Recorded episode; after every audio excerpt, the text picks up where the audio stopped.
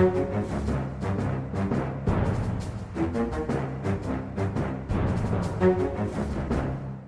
Da ønsker vi velkommen til nok en utgave av Aftenpodden. Jeg er politisk journalist Lars Glomnes. Med meg så har jeg politisk redaktør Trine Eilertsen. God dag, god dag. God dag, god dag. Og Sara Sørheim, som er kulturredaktør. Hallo. Nå nærmer det seg jo ferie med stormskritt for både oss og for politikerne. Og denne uken så hadde jo Erna Solberg sin avsluttende sommerpresskonferanse. Der de oppsummerte hva de mener regjeringen har fått til i løpet av de første to årene. Som er en slags milepæl. Eh, så den har jeg også lagd en sak om her i Aftenposten, der vi går gjennom en del av de større reformene som, eh, som på en måte bak den kjeklinga og kranglinga vi har sett i det siste året, har, eh, har kommet og kan bety en del for Norge. Og Trine, hvor står de nå? Hvor mye, hvor mye får den blå regjeringen endret Norge? Dette er jo interessant. Thomas Hornburg eh, hos oss skrev en veldig god eh, kommentar om det. Han skulle vært her, men han hadde ikke tid, så jeg får eh, bygge litt på hans resonnementer, som, som, er veldig gode. Altså, jo, det, det, er to lag her. Det ene er det som vi har skrevet mest om, Eh, og som er mye av støyen. Vi snakker asylbarn, vi snakker Syria-flyktninger, vi snakker eh, statsbudsjettet og all kranglingen rundt det. Som nok er et bilde som eh, skaper seg av en, av en, regjering som strever og, eh, både med parlamentariske grunnlaget sitt til Stortinget, og ikke minst innad i, eh, om ikke innad i regjeringen, så i hvert fall innad i Frp, eh, må vi kunne si. Eh, men så er det andre laget, da, disse store reformene som regjeringen har satt i gang, som eh, er nok Erna Solbergs store eh, prestisjeprosjekt. Kommunereform, politireform, jernbanereform, veireform. Universitets- og høyskoleutdanningsreform.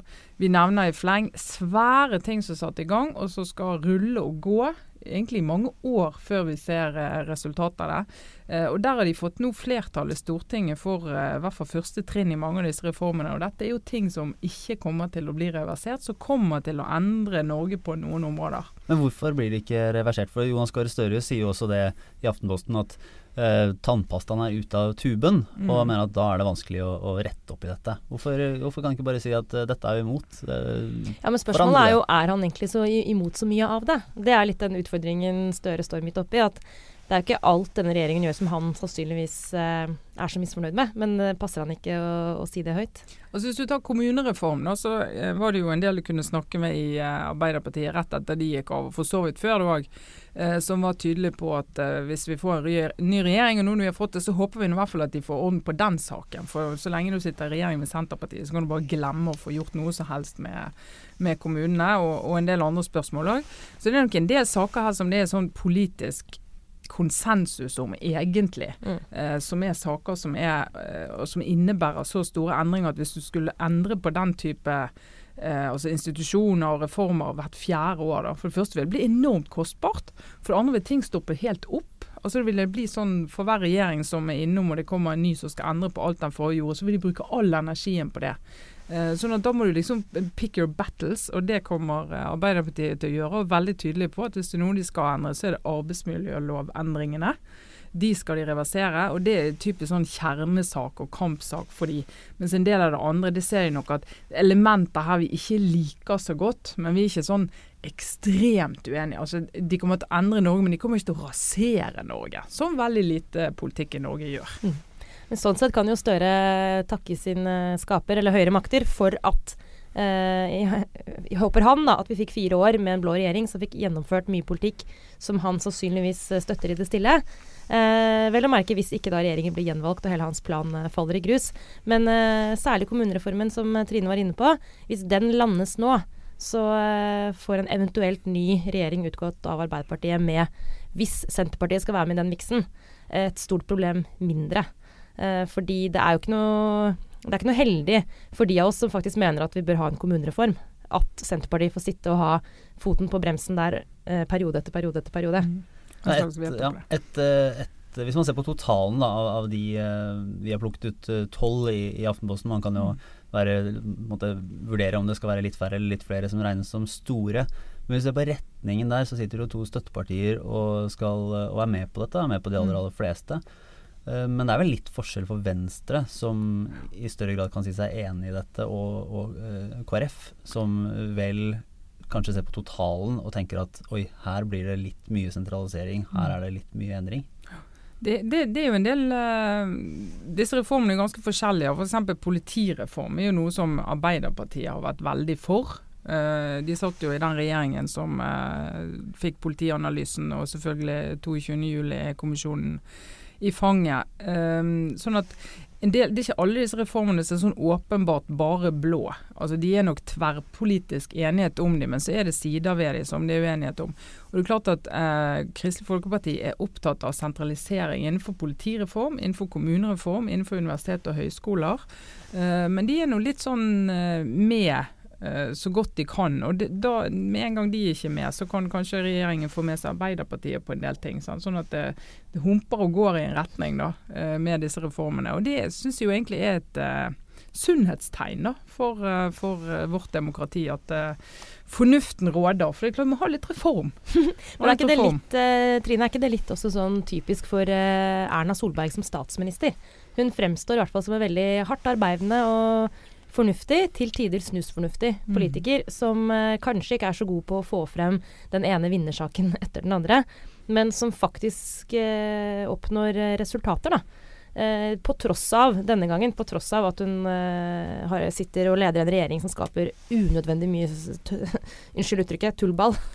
og det syns jeg i grunnen er ganske Det tegner seg et bilde nå som eh, hvor hun kanskje styrker sin posisjon, da, hvis dette fortsetter. Ja, ja det, det, på, én måte ja, for de får gjort en del arbeid i Stortinget som gjør at de ikke stopper opp. Eh, men selvfølgelig, det betyr også en del av det blir ganske utvannet. Men det, men det største utfordringen for eh, regjeringen og Erna Solberg, det er at det er bare to år til neste stortingsvalg.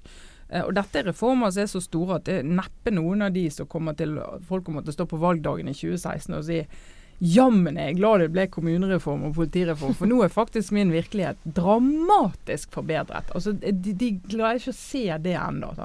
Men eh, regjeringen har jo ett verktøy som de tyr til sånn en gang i året omtrent. Da går de til eh, sosiale medier og så lager de en hashtag og finner på et eh, litt sånn positivt begrep som skal la nordmenn eh, øse ut av seg alle sine godord om denne regjeringen og det de får gjennomført. Og det de nå prøvde seg på, var jo denne hashtag min regjering, der man kunne liste opp hva man var takknemlig for at at da hashtag min regjering har fått gjort. Men det er jo ikke alltid like lett med sånne kampanjer, Sara. Nei, altså jeg tenker at eh, sosiale medier er vår tids hockeysveis.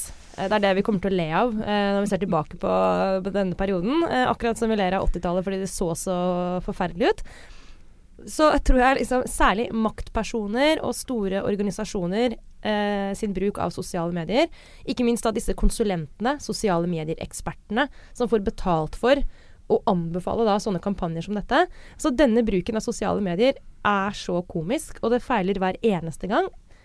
Og jeg skjønner ikke helt eh, hva, hva de tenker at skal være Altså, jeg skjønner at det kan gå galt én gang, men at det går galt hver eneste gang, eh, det for meg er underlig. Og denne gangen, altså det som skjer, er jo at det alltid blir ironisk. Vi Det er de ironikerne som ruler på Twitter. Mm. Ja, det er altså, Twitter er jo de småbitre uh, morsomheters eh, medium. Så, Eh, så da, det finnes alltid en kritisk stemme, og eh, selvfølgelig når, når makten da vil eh, tre et sånt et begrep eller en kampanje nedover Twitter, så, så gjøres det opprør. Så da, Vi har jo også i en sak i Aftenposten samla opp en del av de svarene regjeringen fikk, da, som ikke tar dette helt i retningen Erna Solberg og hennes eh, rådgivere kanskje hadde tenkt seg. Ja, for det er jo litt eh, typisk for sånne forsøk på kampanjer på Twitter. Det er jo at hvis de blir satt i gang Twitter er rimelig politisk korrekt, egentlig. Så hvis det, hvis det kommer nedenfra, sånn som f.eks. den vi hadde i våres, eh, 'Jeg har opplevd',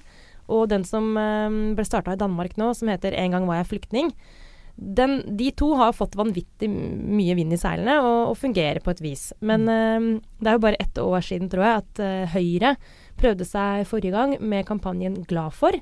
Hashtag 'glad for', hvor du skal være glad for alt som Høyre har gjort for deg.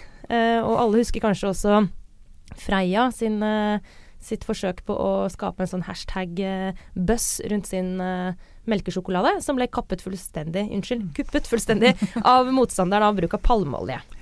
Så eh, det har til gode Altså, jeg har ennå ikke opplevd en eneste kampanje satt i gang av noen med reell makt som har fungert på Twitter. Nei, altså Twitter er en litt spesiell kanal, og er, den skiller seg fra Facebook. Du skal tenke, du skal nå folket, så er det jo Facebook du skal bruke. Det er jo, Twitter er jo en litt sånn uh, kverulantenes og journalistenes og ja, en liten gjeng sin kanal. da. Så det, det, er ikke der du på en måte treffer folk og treffer hjerter, men samtidig er det jo, eh, er det, jo eh, det å komme ut altså Rent sånn prinsipielt tenker jeg min regjering ut der. Når du er regjering, så er du regjering for hele Norge.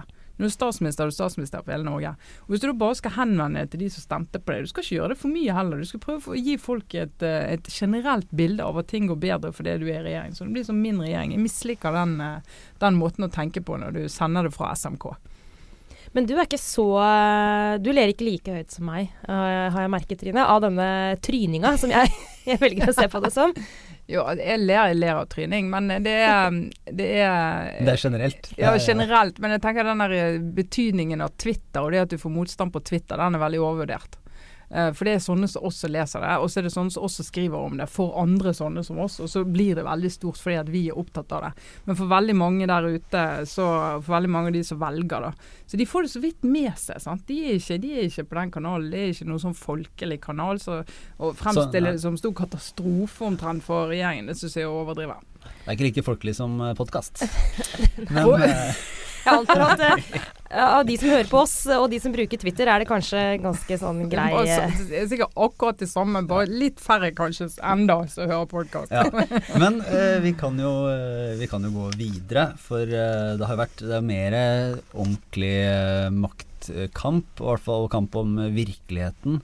Mellom, mellom Aftenposten og PSTs oppfatning, i hvert fall Aftenpostens kilder. Det har kommet med nye saker denne uka her om uh, såkalte mobilovervåkningssaken i Oslo. Der internasjonale eksperter nå stiller opp og har sett på materialet som, som disse sikkerhetsselskapene har utført for Aftenposten, og sier at de, i motsetning til PST, mener at det er ting som tyder på, absolutt tyder på at det har vært overvåkning. Og så mm. sier PST og Etterretningen at nei, dere tar helt feil. og da er det mange som lurer på når PST og Etterretningen sier at det her er helt feil, hvorfor mm. driver Aftenposten på med dette her? Er ikke det ja, veldig rart? Ja, det, det, er mange som lurer på det. Og vi, vi, konstaterer jo at det er en sak som ikke er blitt uh, veldig sitert eller løftet opp i, i, andre medier. Det kommer nok også av at det er en veldig kompleks sak. Uh, så veldig få egentlig har innsikt nok i til å kunne gå ordentlig inn i. Eh, men når, eh, når, vi fortsetter med saken, så er det jo da vi fikk rapporten, eller hva skal jeg si, pressekonferansen til eh, PST 26.3 i år, hvor de veldig kategorisk slo fast at her var det ingenting. Og det Aftenposten hadde holdt på med, det var egentlig litt sånn spinkelt og nesten litt amatørmessig. Og du kunne i hvert fall ikke konkludere som, som våre eksperter gjorde da. Eh, så kunne vi ha slått oss til ro med det og sagt at greit, vi bommet. Uh, og hadde vi gjort det, så skulle vi sagt det, altså. Men vi var jo nødt til å gå tilbake igjen og se på alt vi hadde gjort. Få flere til å se på det. Og det var såpass mye diskusjon om det, og om uh, konklusjonen til PST og E-tjenesten, at vi syntes det var verdt å, å, få sett på det igjen av flere. og, og egentlig bare flere spørsmål enn vi hadde da. Så noen av de får vi svar på, og noen av de får vi ikke svar på. F.eks. så svarer E-tjenesten i går at uh, vi har mer innsikt i, i teleoperatørene sine data enn Aftenposten har. og Det er helt riktig, for vi har ikke fått noe svar fra teleoperatørene. Uh, men den innsikten gjør at vi fremdeles kan stå på konklusjonen vår fra, fra i vinter. Men det klart, vi, vi, er jo opptatt av å få frem så mye som mulig, og det har vært målet hele tiden. Få frem så mye som mulig informasjon om dette. Og Det var jo der det begynte, ved at Per Anders Johansen begynte å stille noen spørsmål om hvor ofte denne type Utstyr ble brukt i Oslo og fikk jo ingen ordentlige svar, og måtte begynne å jobbe ordentlig journalistisk med å få det, og så har saken vokst. Og Vi er jo egentlig fremdeles der vi begynte. Vi har fått en del nye svar. Vi vet f.eks. at Oslo-politiet bruker det i snitt en gang i uken, disse altså falske basestasjonene, ja. uh, i sin eh, kamp mot uh, kriminaliteten. Eh, noe vi ikke visste for et halvt år siden, og nesten ikke var mulig å få vite. Så det er klart vi har fått vite mye, og så er det fremdeles spørsmål. Og så er det for verden der ute, så tror jeg det ser ut som en litt sånn eh, hanekamp mellom Aftenposten og PST. Men det er, ikke, det er ikke det som er hensikten. Egentlig å få frem så mye informasjon som mulig Og få disse ekspertene til å kanskje dele litt informasjon. Så vi Men kan få er, mer er, innsikt. eh, måte, er hypotesen eller teorien at, at PST har en eller annen slags eh, konspirasjon der de holder dette skjult? Nei, jeg, jeg tror egentlig altså Det er ikke der, det er ikke vårt utgangspunkt. Og jeg tror heller ikke at eh, si, PST mm, påstår at vi eh, eh, prøver å få frem ting som vi vet er ikke riktig. Men det det egentlig dypest sett handler om her, er jo kunnskap og innsikt, og hvem vet mest og kan mest. og Utgangspunktet til E-tjenesten og PST er jo at de har de beste miljøene i Norge. Ingen er bedre enn de. Og det kan godt være, men vårt utgangspunkt er at det kan jo være miljøer andre steder som kan ting de ikke kan, eller ser ting på måter de ikke kan. Derfor er det interessant å undersøke. Så er det jo også et spørsmål om eh, hva vi kan kreve åpenhet rundt, eh, og hva vi må godta at, eh, at er hemmelig for oss jevne borgere. Og i virkeligheten slik den er nå, særlig etter Snowden-avsløringene, og med de vanvittig mange flere mulighetene eh, alle nå har til å overvåke hverandre, så er det et poeng i seg selv at eh, informasjonsbehovet har blitt større. Og jeg syns denne saken illustrerer også at eh, lysten til å informere har ikke fulgt etter. Eh, og det er jo underlig å, å se at det er en så liten villighet til å komme oss i møte eh, når det gjelder det å svare på spørsmål. Eh, og Sånn sett er ikke denne saken noe annerledes enn alle andre saker vi jobber med. Det går inn i kjernen i vårt oppdrag. Det er å stille spørsmål til de rette menneskene for å gi våre lesere svar på spørsmål vi mener de fortjener et svar på. Eh, det som er spesielt her, er at jeg tror mange oppfatter det som at dette er en sak mellom Aftenposten og PST. Men, men det er det jo egentlig ikke. Det er en klassisk journalistisk øvelse som vi eh, har holdt på med lenge. Men, eh, men den har jo fått en spesiell eh, vridning fordi PST har vært så eh, i denne sammenhengen eh, meget tydelige og holdt en Hva skal vi si hatt en profil som de kanskje ikke har gjort så veldig ofte ellers. Men tror du Aftenposten gikk jo langt i å slå fast eh, før jul at eh, regjering og storting og, og mye var overvåket? Kom vi noen gang til å, vi til å finne ut om det var tilfellet? Altså Der vi er, er nå, og den innsikten vi har nå, så har vi ikke fått ordentlig svar på det ennå. Eh, og de ekspertene vi bruker sier at det er høy sannsynlighet for det. Og når det er sagt, så er det jo Dette er jo på en måte spionuken, eh, hvis du skal tenke på mediebildet. Eh, VG har, eh, har hatt sin sak. Eh, vi, som vi kommer tilbake til. Vi har uh, hatt uh, franske presidenter, tre på rad, som er blitt overvåket av amerikanerne. Uh, E-tjenestesjef Grandhagen var ute i Dagsrevyen her i forgårs og la ut om de store utfordringene og truslene. Alt handler egentlig om sånn, hvordan digitaliseringen har påvirket ikke bare vår virkelighet, men også overvåkningsvirkeligheten. Og vår sak, mobilsaken vår, er en del av dette bildet. Det er jo ingen som kan være i tvil om at det er forsøk på, og at det sannsynligvis eh, aktive forsøket på å overvåke maktpersoner i Norge. De som tror at det ikke skjer, må jo ha levd i en naiv boble i mange år. Det er klart at det skjer. Og så er spørsmålet liksom hvem står bak. Russland blir nevnt, Kina blir nevnt. Eh, en eller annen form for amerikansk overvåkning blir nevnt. altså Det, har ikke vi grunnlag for, for å si noe om. Men at dette her forsøkes med alle mulige metoder, det må vi være helt Det, kan vi være enige om. Men for det er jo en annen sak som har dominert, og som for oss som er veldig opptatt av, av politikk og det som skjer på Stortinget, så har det vært en ordentlig rysere og en, en veldig fascinerende sak fra VG, mm. våre kollegaer i overetasjen her, som har fortalt historien om hvordan PST ved minst to anledninger da har advart Frp-representant Tor eh, André Johnsen mot å ha så nær kontakt med russiske interesser som han har, han har hatt. Eh, og oppfatningen har vært at han i hvert fall etter første rådet ikke fulgte dette, sånn at eh, PST måtte ta kontakt på nytt, og tok kontakt med også parlamentariske lederen på, eller altså hans parlamentariske leder, da, Harald Tom Nesvik i Frp, på Stortinget.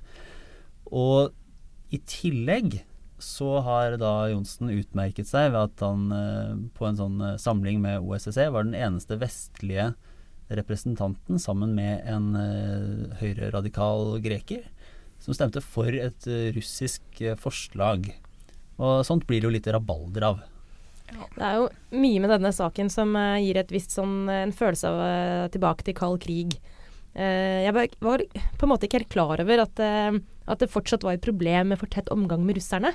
Eh, så det, Det, er blitt det igjen. det er akkurat det. Så history repeats. Men det er klart, når PST kommer og ber deg om å, å roe ned den kontakten, så er det jo litt underlig at han velger å, å ikke høre på det. Men dette er jo også en politiker som har markert seg som en hva skal vi si? En, eh, han er ikke sånn det går 13 av på dusinet. Han er en, eh, skiller seg ut på litt flere områder også. Det er Eh, sjelden plante i Ja, han, er, han, er ikke noe, han er jo ikke noe A4-politiker som Nei. sådan. Han er innvalgt da fra, fra Hedmark. Uh, han har jo ikke han har jo ikke gjort noen sånne eh, store ting som har blitt lagt merke til, egentlig. Bortsett fra at han startet stortingskarrieren med å eh, klage litt til lokalavisa over at han i utgangspunktet måtte bo på østkanten, ikke vestkanten. Eh, han var litt, uh, syntes det var litt mye bråk og litt mye trøbbel med å skulle bo på østkanten. Så han ville ha stortingsleilighet eh, i Oslo vest, og ikke på østsiden av Ja, Akerselva. østkanten ville han seg frabedt. Det er jo smått ironisk når han pleier såpass nær kontakt med representanter for stormakten i øst. Men, eh, men også, det var i hvert fall denne. Og så sto han også fram i eh, VG med at han, eh, han går rundt da i en sånn metalljakke eller genser. Og, og hatt, fordi han er, er bekymret og, og lider under sånn stråle, mobilstrålingslidelser. Uh, Ja. Så han mener at det hjelper å gå med en sånn metallkledd uh, metallkledde klær. da. Nemlig. Og akkurat der tilhører, tilhører han jo en voksende gruppe, hvis jeg skal se på innboksen min, eh, av aktivister, nemlig de elfølsomme, som eh, man skal passe seg litt for å tøyse med. Fordi eh, det kan godt være at det er en eh, svært alvorlig sykdom. Men det er noe sånn lett komisk også med mennesker som går ikledd, altså kler på seg sånne telt når de er ute, som skal holde elektrisitet ute. Slags sånn elburka. Ja. Eh, eller av hatter og vester, som han her har, eh, har brukt, som skal holde signalene ute. Det er jo et, eh, på mange måter en tapt kamp eh, i, i våre dager. Men jeg tror de fikk litt sånn ekstra vind i seilene med at Gro Harlem Brundtland jo fremsto som elallergisk for noen år siden. Sto frem. Ja. Eh, Sto Som, frem, eh, fremsto, alt ettersom. Ja. ja. uh, Så der har han en sterk medspiller. Uh, I hvert fall uh, det er en av de sterkeste han har. For ellers så står jo han ganske aleine, da. Men du kan si, i hvert fall når det gjelder forholdet til Russland. Men helt uavhengig av hva han har gjort eller ikke har gjort, og hva PST legger til grunn for sin advarsel, så er det jo påfallende at det er så sjelden du finner noen med et litt avvikende syn på utenrikspolitikk Mm. i Norge. Eh, det er vanvittig unisont, eh, utenrikspolitikken. Så bare i kraft av det så har han jo en, eh, en, en verdi som jo, han, politiker. ja, han, bare for å si det, han avviser jo at, at det har vært noe utilbørlig med den kontakten i det hele tatt. Han sier jo, påpeker at han har et nært forhold til Russland gjennom mange år. Han er gift uh, ukrainsk og har uh, i det hele tatt et litt annet syn på Russlands rolle enn det mange andre har. da. Eh, og, og bedyrer da at han mer er en slags utenrikspolitisk dissident enn uh, noen slags overløper. Ja, akkurat på utenrikspolitikk, så det skal ikke veldig mye til å fremstå som dissident i, i Norge. Sånn har det vært siden krigen. sant? Det, vi er et eh, lite land i verden, som det blitt sagt mange ganger. Liten åpen økonomi, holdt jeg på å si. Um, og har levd altså med grensen til uh, gamle Sovjetunionen. eh, mange av oss vokste jo opp eh, lenge med det. Ikke du, Sara. Nei, så akkurat å si- Ikke du, Lars. Du var jo så vidt født når muren falt. Men jeg lærte jo også på videregående, så satt jo vi og pugget hvor mange raketter det var. Antall mellomdistanseraketter. Det var i Salt 1 og Salt 2-avtalen. sant? Vi har veldig sterkt forhold til Sovjetunionen.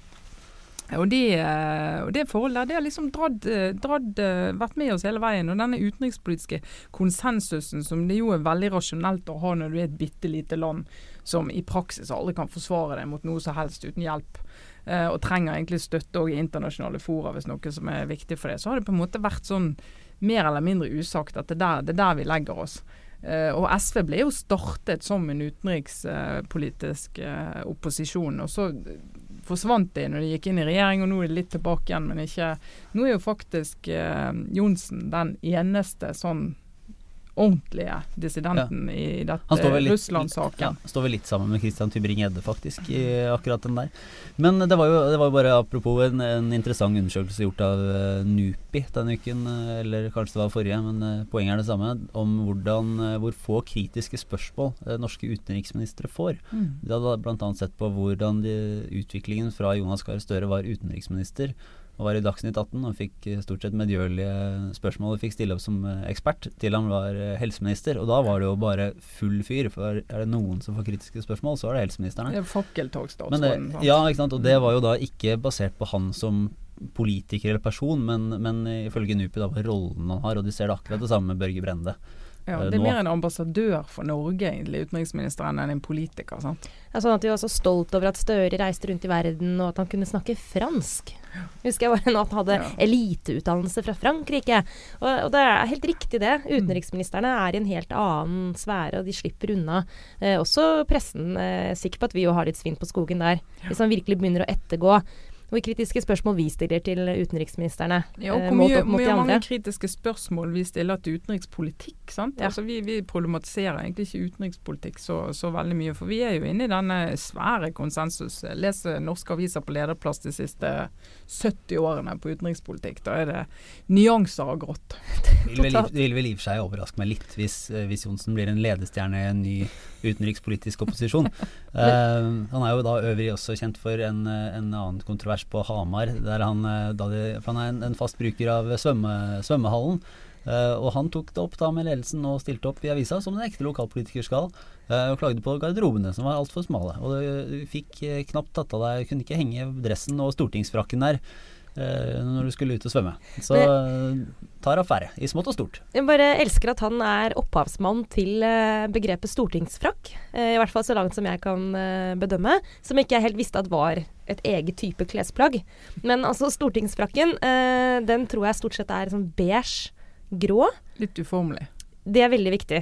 Den må være uformelig. Trenchcoat er ikke stortingsfrakk. Det er ikke et fjongt plagg. Ikke fjongt, men eh, ganske sånn vann- og vindtett. Om ikke helt uh, vanntett, så i hvert fall sånn. Den tåler en skur. Eh, og den kan eh, krølles litt, men ikke mye. Så Ikke den så mye som i et eh, trangt garderobeskap på mm. svømmehall på Hamar. Nei. Og han demonstrerer jo her i saken i Hamar Arbeiderblad, så har han på seg stortingsfrakken. Eh, og jeg ser jo at det er et kjekt eh, klesplagg, og det kan jo da ikke minst også brukes i alle anledninger. Ja. Eh, men det var jo et drama rundt denne frakken. Ja, for den ble, den ble også Det ble en slags føljetong i Hamar Arbeiderblad etter, etter den første saken om uh, de litt trange skapene. Uh, og så viste det seg at stortingsfrakken den ble rett og slett borte. Uh, og den var borte en stund, helt til noen fant den på Lorry. Og den kunne gis tilbake til, til da en takknemlig, takknemlig eier. Og sånn sett så følger jo han også en slags sånn politikkens tyngdekraft, som er at Alt ender på lorry. alt ender på Lorry. Ikke mer opposisjonell enn det, altså. Nei. nei, nei. Men eh, helt, hva, er det, hva er det russerne vil kunne få ut av en stortingsrepresentant? Nei, altså vi tenker Når vi tenker på eh, denne problemstillingen, tenker vi jo litt sånn Arne Treholt. sant? Litt sånn dokumenter og hem- Men det er jo ikke den måten de driver det på lenger. Men bare det å få med seg, sånn, snakke med en, bli litt enig, få en eh, norsk politiker til å argumentere litt for eh, russiske standpunkt. Så er jo en del av jobben gjort for de som jobber med det. Eh, få han til å signere på entusiastisk på et sånt forslag i OSSE, så kan noen oppfatte det som at det skjer som følge av påvirkning. Eh, og det er klart at det der russiske propagandaapparatet og påvirkningsapparatet, det er, det er massivt. Og det er på enormt mange nivå. Og dette er ett av nivåene, ett av de mange brikkene. Det å få med seg Så kan jo ikke vi si hvor mye av dette som han står for, som kommer fra hans eget, eh, Nei, og, og, bryst, og hvor mye ja. som er påvirkning. Så Og igjen så, så understreker jo han at, han at, at VG har på en måte feilrepresentert dette. At han Mm. har, har holdt eh, strengt på sin rolle og oppførte seg helt uh, uklanderlig i dette her, da. Ja. Vi har jo vår egen spionekspert eh, i studio. Eh, Trine, dette lærte du alt om på Dette lærte jeg om på Bilderberg, Sara. Ja, Sier vi som har vært der. som, dere som Ja. påvirker, ikke blir påvirket. Ja, jeg sitter med en penn her i studio som eh, kommer fra hotellet der vi var på, så jeg sier ikke mer. Vi, får, vi kan jo avslutte, avslutte dagens eh, sending, eh, som i og for seg blir den siste før sommeren med alle oss eh, tre her.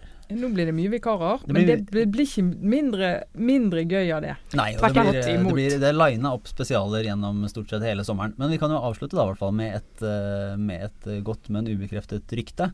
Som dreier seg om eh, denne Tor André Johnsen. Ukens mann. og som strengt tatt er, en, er nesten en avkreftelse av et rykte. Ja. Fordi Men- han har jo vært sykemeldt et par uker rett i forkant av disse avsløringene. Og da begynner det å gå mange teorier om hva som er grunnlag for det.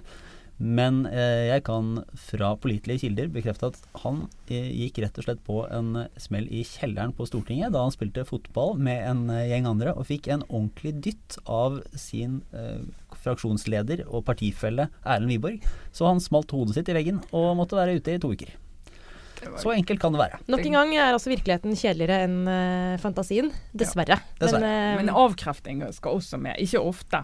Ikke, ofte. ikke ofte, men det, men var, det, var, det, var det måtte unntak. nesten med i dag. ja. Men med det så takker vi for oss for denne gang i Aftenpodden. Det var Sara Sørheim, Trine Eilertsen og meg, Lars Glomnes. Takk for oss.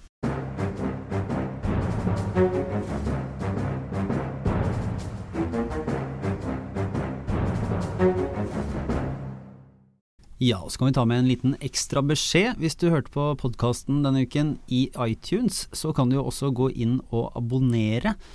Da får du den neste utgaven rett i telefonen din uten å måtte gjøre noe som helst. Eh, det gjør du ved å søke på Aftenpodden i eh, iTunes-søkeren, og så er det bare å trykke på abonner og vente på neste utgave. Gi oss også gjerne en stjernerating i iTunes hvis dette er noe du vil anbefale til andre.